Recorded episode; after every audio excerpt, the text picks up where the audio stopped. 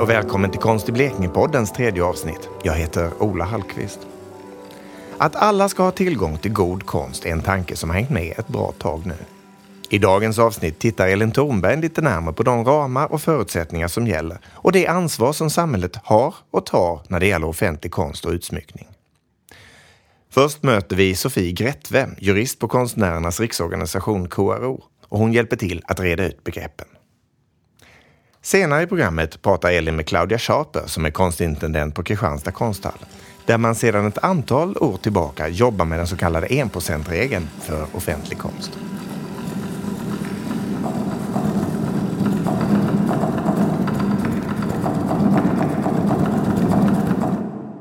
Du har säkert läst om det i tidningen eller hört om det i förbifarten men vet inte riktigt vad det handlar om. Jag pratar om enprocentsregeln som tillämpas i någon mån i majoriteten av Sveriges kommuner idag. Men vad innebär den? Och framförallt, vad har den för inverkan på den offentliga konst som finns och dyker upp överallt i våra närområden? Bakgrunden till enprocentsregeln presenterades för cirka 80 år sedan av dåvarande ecklesiastikministern Arthur Engberg vilket ungefär motsvaras av dagens kultur och utbildningsministrars uppgifter. I sin rapport Betänkande och förslag angående beredande av vidgade arbetsuppgifter för svenska konstnärer fanns grunden för det som banade väg för enprocentsregeln här beskrevs det problematiska i att staten bara kunde stödja konstnärer med tillfälliga medel och förslaget var därmed att bereda arbetstillfällen för konstnärer i allmänhetens tjänst genom att låta dem göra konst till offentliga byggnader såsom skolor och sjukhus. Ett viktigt argument var konstens folkbildande ideal, att alla skulle ha tillgång till god konst i sin närmiljö. Det vill säga ungefär samma tanke som grundlade biblioteken en gång i tiden. Det dröjde dock länge innan regeln implementerades. Inte förrän 1963 klubbades den igenom av Stockholms stads politiker som menade att man skulle avsätta 1% till ny till och ombyggnation i kommunen. Ja, ni hör ju, vi ska bli lite tekniska och informativa idag. Men för den konstintresserade kan det vara bra att veta hur dessa inte ett dugg konstnärliga processer fungerar. Jag heter Elin Thornberg och jag ringde upp Sofie Grättve som är jurist på Konstnärernas riksorganisation, KRO, samt Sveriges konsthantverkare och industriformgivare, KIF, och bad henne beskriva lite mer om hur sånt här arbete, lagar och regler fungerar.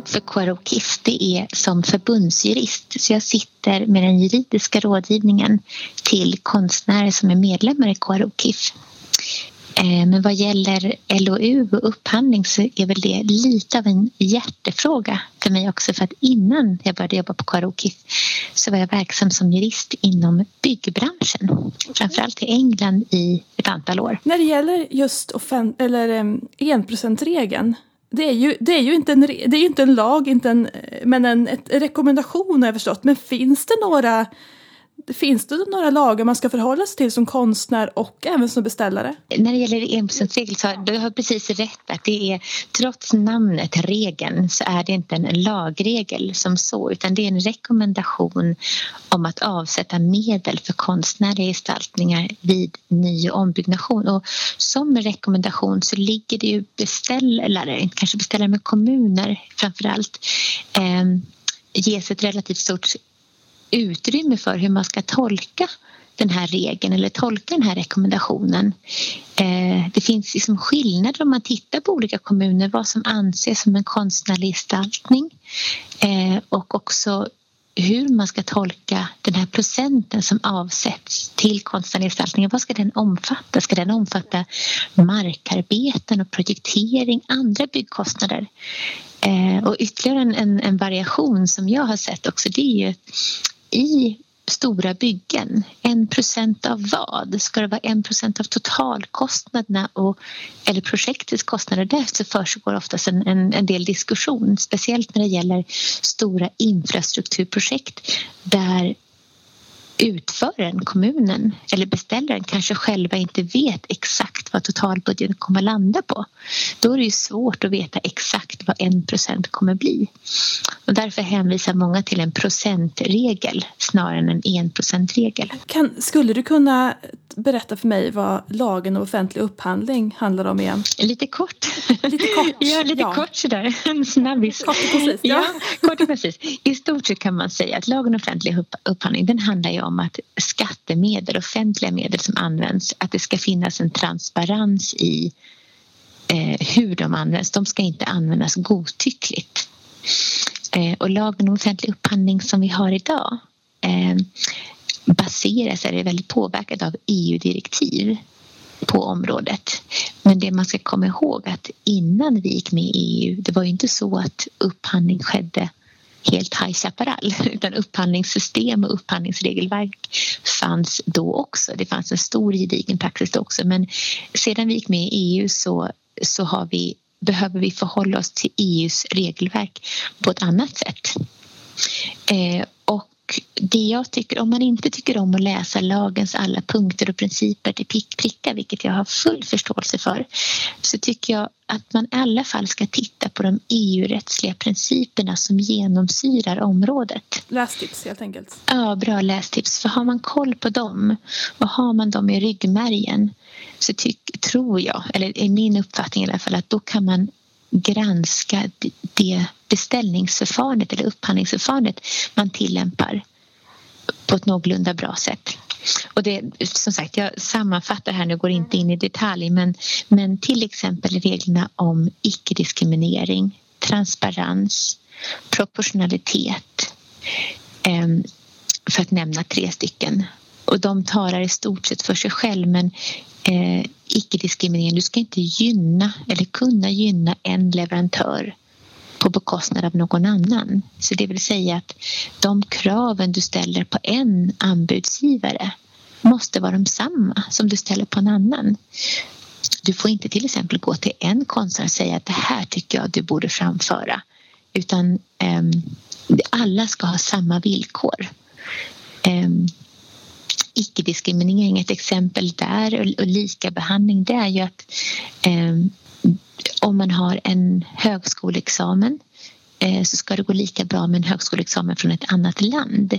Man är ute lite blåsväder om man säger att man vill ha en svensk högskoleexamen från konstnär. Utan det, och det har att göra igen med... Eh, man ska komma ihåg att de här regelverken de baserar sig på någon sorts konkurrens. Liksom att det ska vara, råda schysst konkurrens mellan olika leverantörer. Det är ju ett, ett leverantörsskydd kan man säga. Eh, en skyddslagstiftning för de som vill lämna anbud.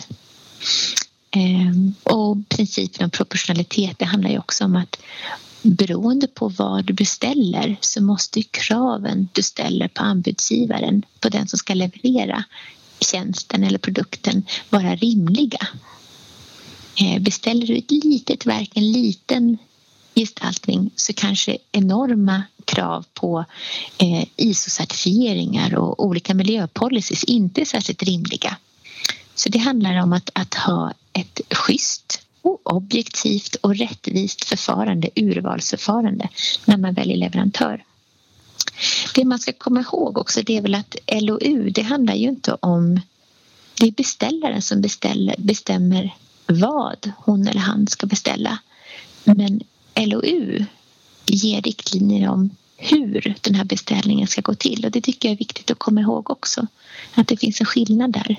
Tycker du, jag tänker, tycker du att intresset har ökat för offentlig konst i kommunerna? Att man hör, att man hör av sig, att det kommer fler frågor och så till dig eller till KRO? Ja, det gör det. Det tycker jag absolut. Så under mina eh, fyra, snart fem år på KRO så tycker jag att det är en stor skillnad. Och om det är för att vi har engagerat oss mer i frågan än vad vi gjorde förut eller om det är för att intresset har väckts. Det, det är svårt att säga hur mycket står till svars för vad men mm. jag tycker definitivt att det finns det en entusiasm eh, vad gäller beställningen av offentlig konst nu som, som känns större nu än, än för några år sedan. Eh, och jag tycker också att diskussionen om enprocentsregeln och medvetenheten om det positiva med att ha den här fördelningen, avsättningen av medel till konstnärliga gestaltningar, att det, det är mera eh, accepterat och debatterat nu än vad det var för några år sedan. Vad roligt. Eh, mm, det är jätteroligt. Men sen så får jag också säga att i alla fall eh, det, det, pågår ju stora byggen runt om i Sverige nu. Ja. Så att vi, vi har ju någon sorts byggvåg där vi liksom försöker tackla bostadskrisen och, och det är ju en uppsving på så vis. Eh, det har inte alltid varit så att vi har byggt så mycket så i och med att det byggs mycket och avsätts medel för byggen och enprocentsregeln därmed också, eller samband med det har debatterats så, så, ser jag, eller jag uppfattar det så som att det, eh, det här området är ett område som, som är starkt just nu.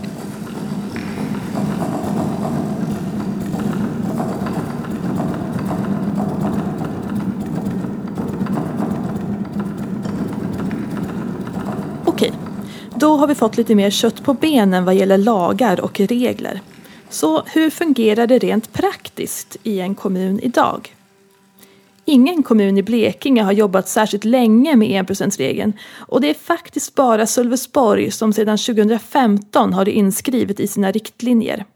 Karlskrona kommun beskriver det dock som en målsättning att följa enprocentsregeln. Något som vi kommer att få veta mer om vad just det innebär om en liten stund. I Kristianstad kommun antogs enprocentsregeln 2008 så när jag var på konstkonferens i Ronneby häromveckan passade jag på att prata med Claudia Schaper som är intendent på Kristianstad konsthall.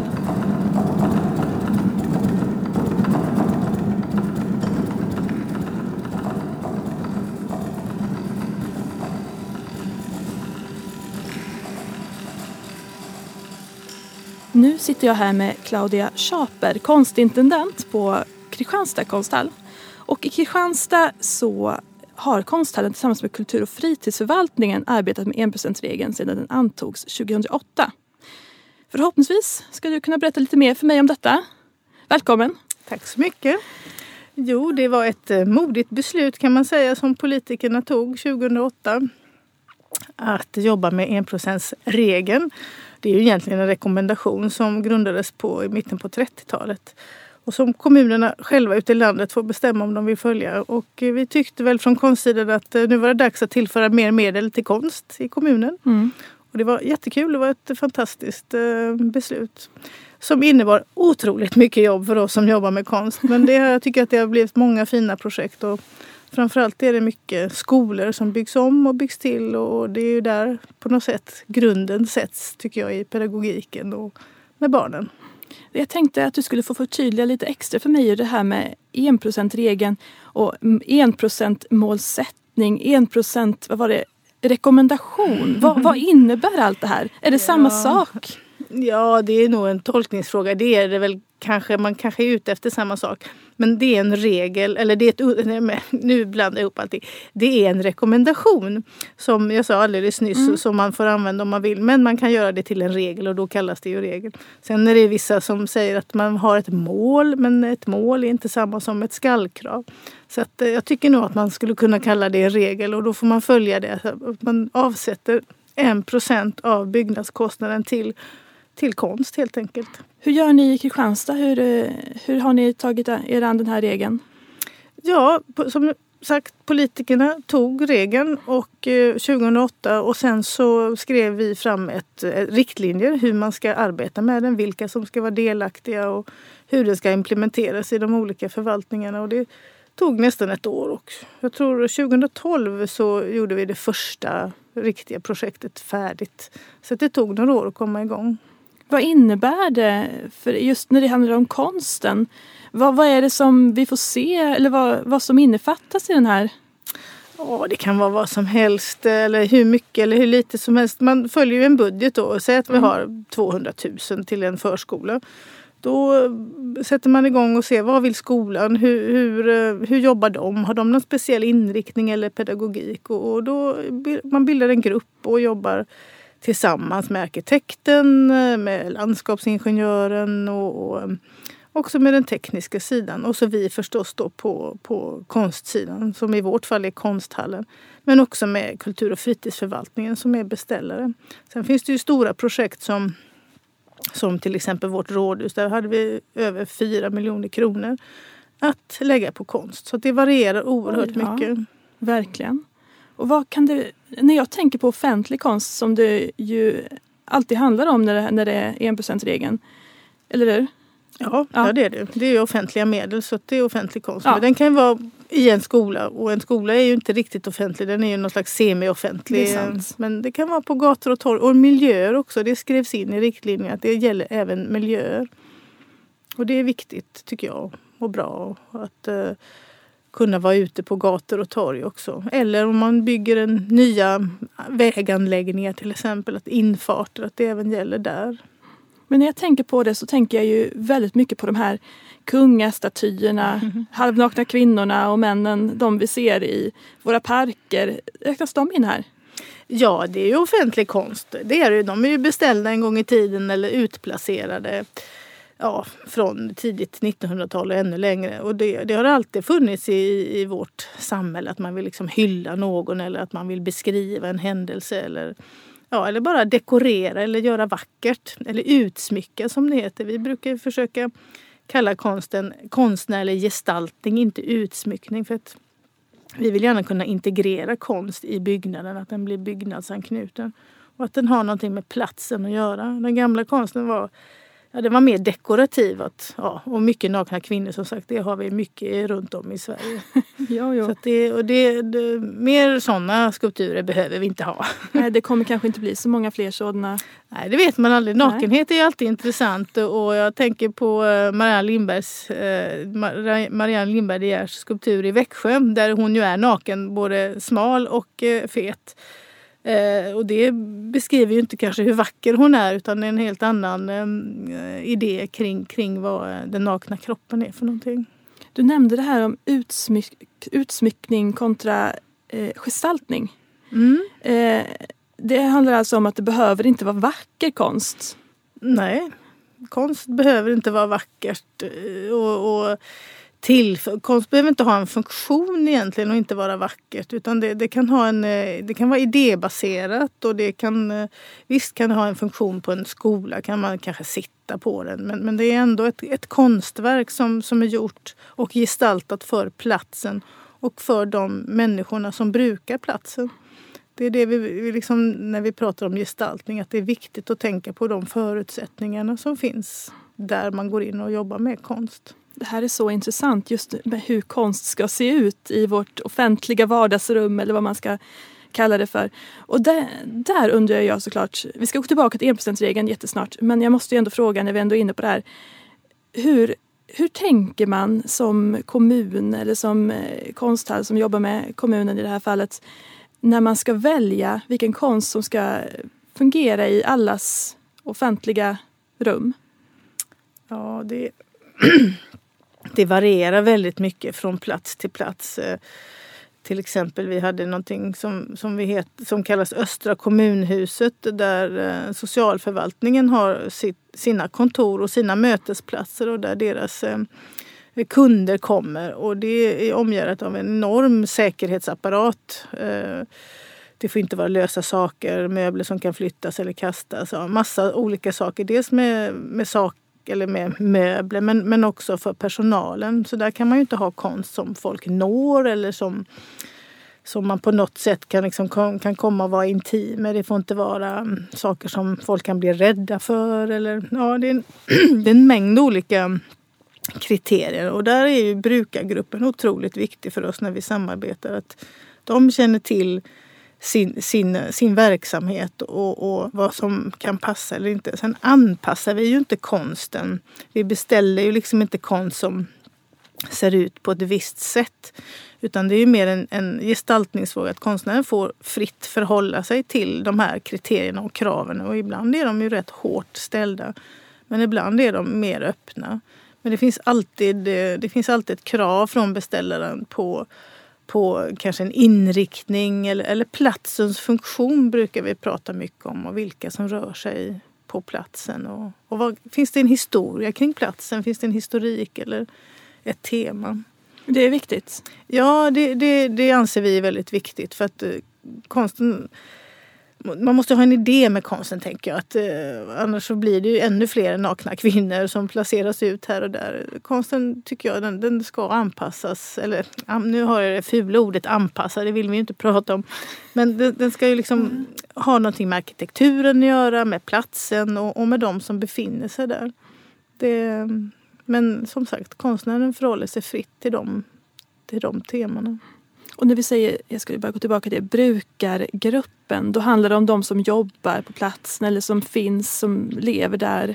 Mm, ja det är det. Det är de som ja, ja, brukar, om det är en byggnad eller en torg eller torg eller i en skola så är det ju så uppenbart att det är elever och lärare. Men också till viss del föräldrar och pedagoger och, och, och det är liksom en, en, bred, en bred grupp. Samtidigt som skolan är en icke-offentlig plats på riktigt så är det, de, de är väldigt viktiga. Och de ska också ta emot konstverket och det är de som ska se till att konstverket får en mening på platsen och, och också ett, ett långt liv. Har man en relation till, till konsten på platsen då, då tänker man mer på den och man vårdar den på ett annat sätt också och den blir värdefull. Ni i Kristianstad har ju kommit rätt långt med det här arbetet med just enprocentsregeln har jag ju förstått. Så är det ju inte överallt. Ni har ju eh, även konstsakkunniga i en grupp som tar fram eh, förslagen på vad som ska bli. Ja, vi har alltid en, en, en arbetsgrupp som egentligen består av två eller tre grupper till och med mm. ibland. Och eh, de viktiga parterna i, de grupperna är ju konstsakkunniga förstås. Och det, I Kristianstad finns det två som jobbar kommunalt och en av dem är jag som är intendent på konsthallen och sen är det konsthallens chef. Sen är det alltid kulturförvaltningen, antingen chefen eller utvecklaren. Sen är också arkitekten inkopplad och eh, projektledaren för den tekniska sidan. Och en viktig person som vi alltid eh, upphandlar är konstkonsulten. Och det är också en röst utifrån som har en kompetens som är viktig för oss att komma åt. Så att eh, konstkonsulten är en viktig, en viktig, eh, en viktig röst men också ett viktigt arbetsredskap. Och vi skriver alltid konstprogram också i varje projekt som, som förklarar processen och dokumenterar hela processen. Hur det går till, vilka som arbetar och varför man kom fram till just den här konstnären som fick uppdraget. När man tänker på just kommuner så tänker man ofta politik också. Och det är det mm. jag funderar lite grann på.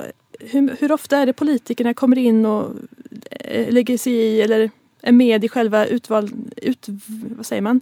Valet, valet av, av konst. Ja, och valet av konst och konstnär, precis. Ja, I Kristianstad funkar det så att det, det är ett utskott som heter konstkommittén, det kallas konstkommittén och det är ett utskott från kultur och fritidsnämnden. Mm. Där är fyra politiker som är beslutande.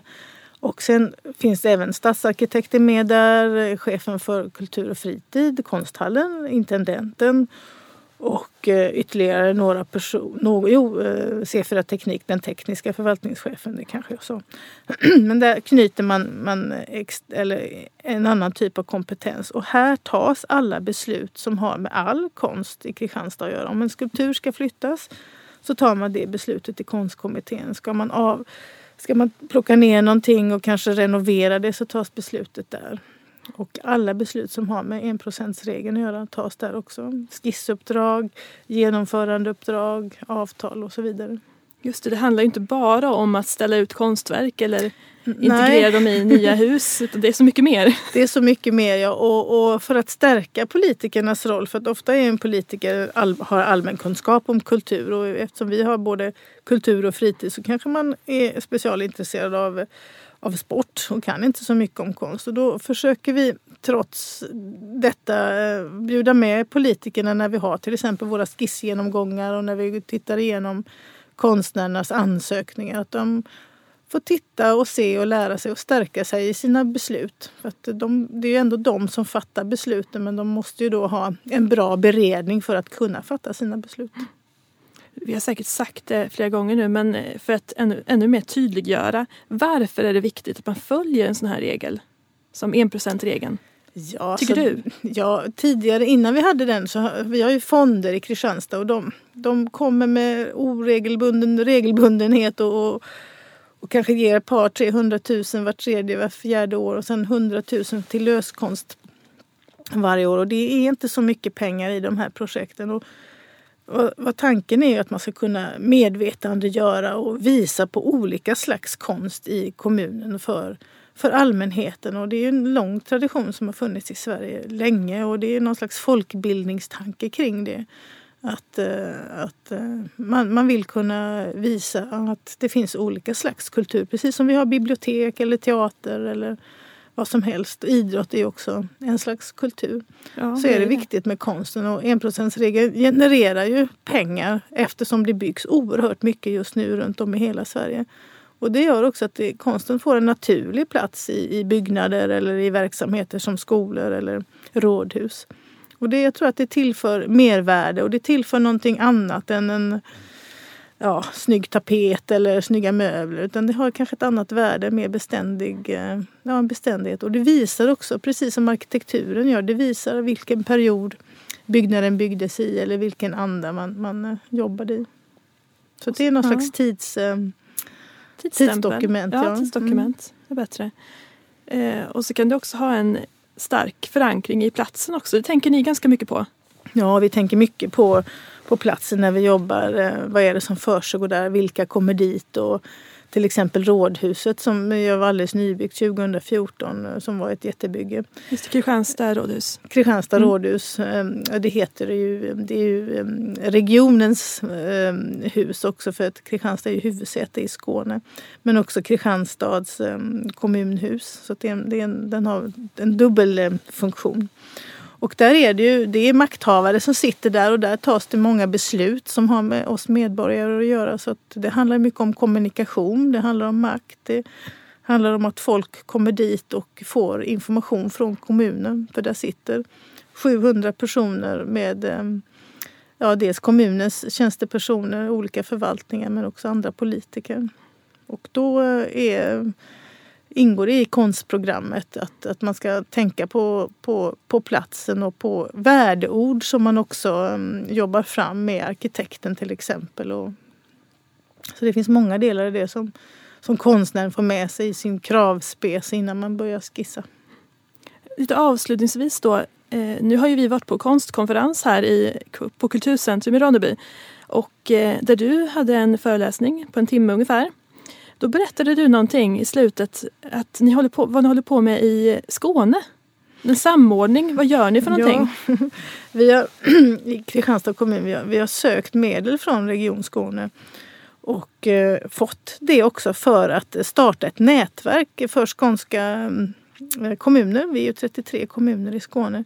Och vad vi först ska göra det är en, en analys kring vad finns det för behov i de här kom, i, ja, kommunerna. Det finns ju både stora och små kommuner och kan man hjälpas åt och kan man till exempel göra liksom rent praktiska saker och ett, ett praktiskt nätverk. Men också det här kring upphandling och avtal, sådana frågor som är så svåra och som alla kommuner måste hantera. Men, men man behöver inte uppfinna hjulet på varje kommun utan jag tror att man kan göra ett gemensamt arbete. Och det ska vi göra här framöver, en, en kartläggning och en analys kring det. Och sen hoppas vi ju att nätverket ska komma igång så småningom. Och kanske till och med infatta Blekinge framöver? Kanske det, vem vet? Vi har ju samma problematik och vi är ju grannar. ja men precis, så det kan ju väl vara roligt att se hur ni, vad, ni, vad ni gör för någonting och vad ni tar, tar vägen när det gäller dessa frågor. Eh, jag är jättenöjd. Tack så jättemycket för att du tog dig tid att prata med mig. Tack själv, på det, här det var sättet. roligt. Ja, vad bra. Då ska inte jag störa dig mer. Vi avslutar här. Tackar.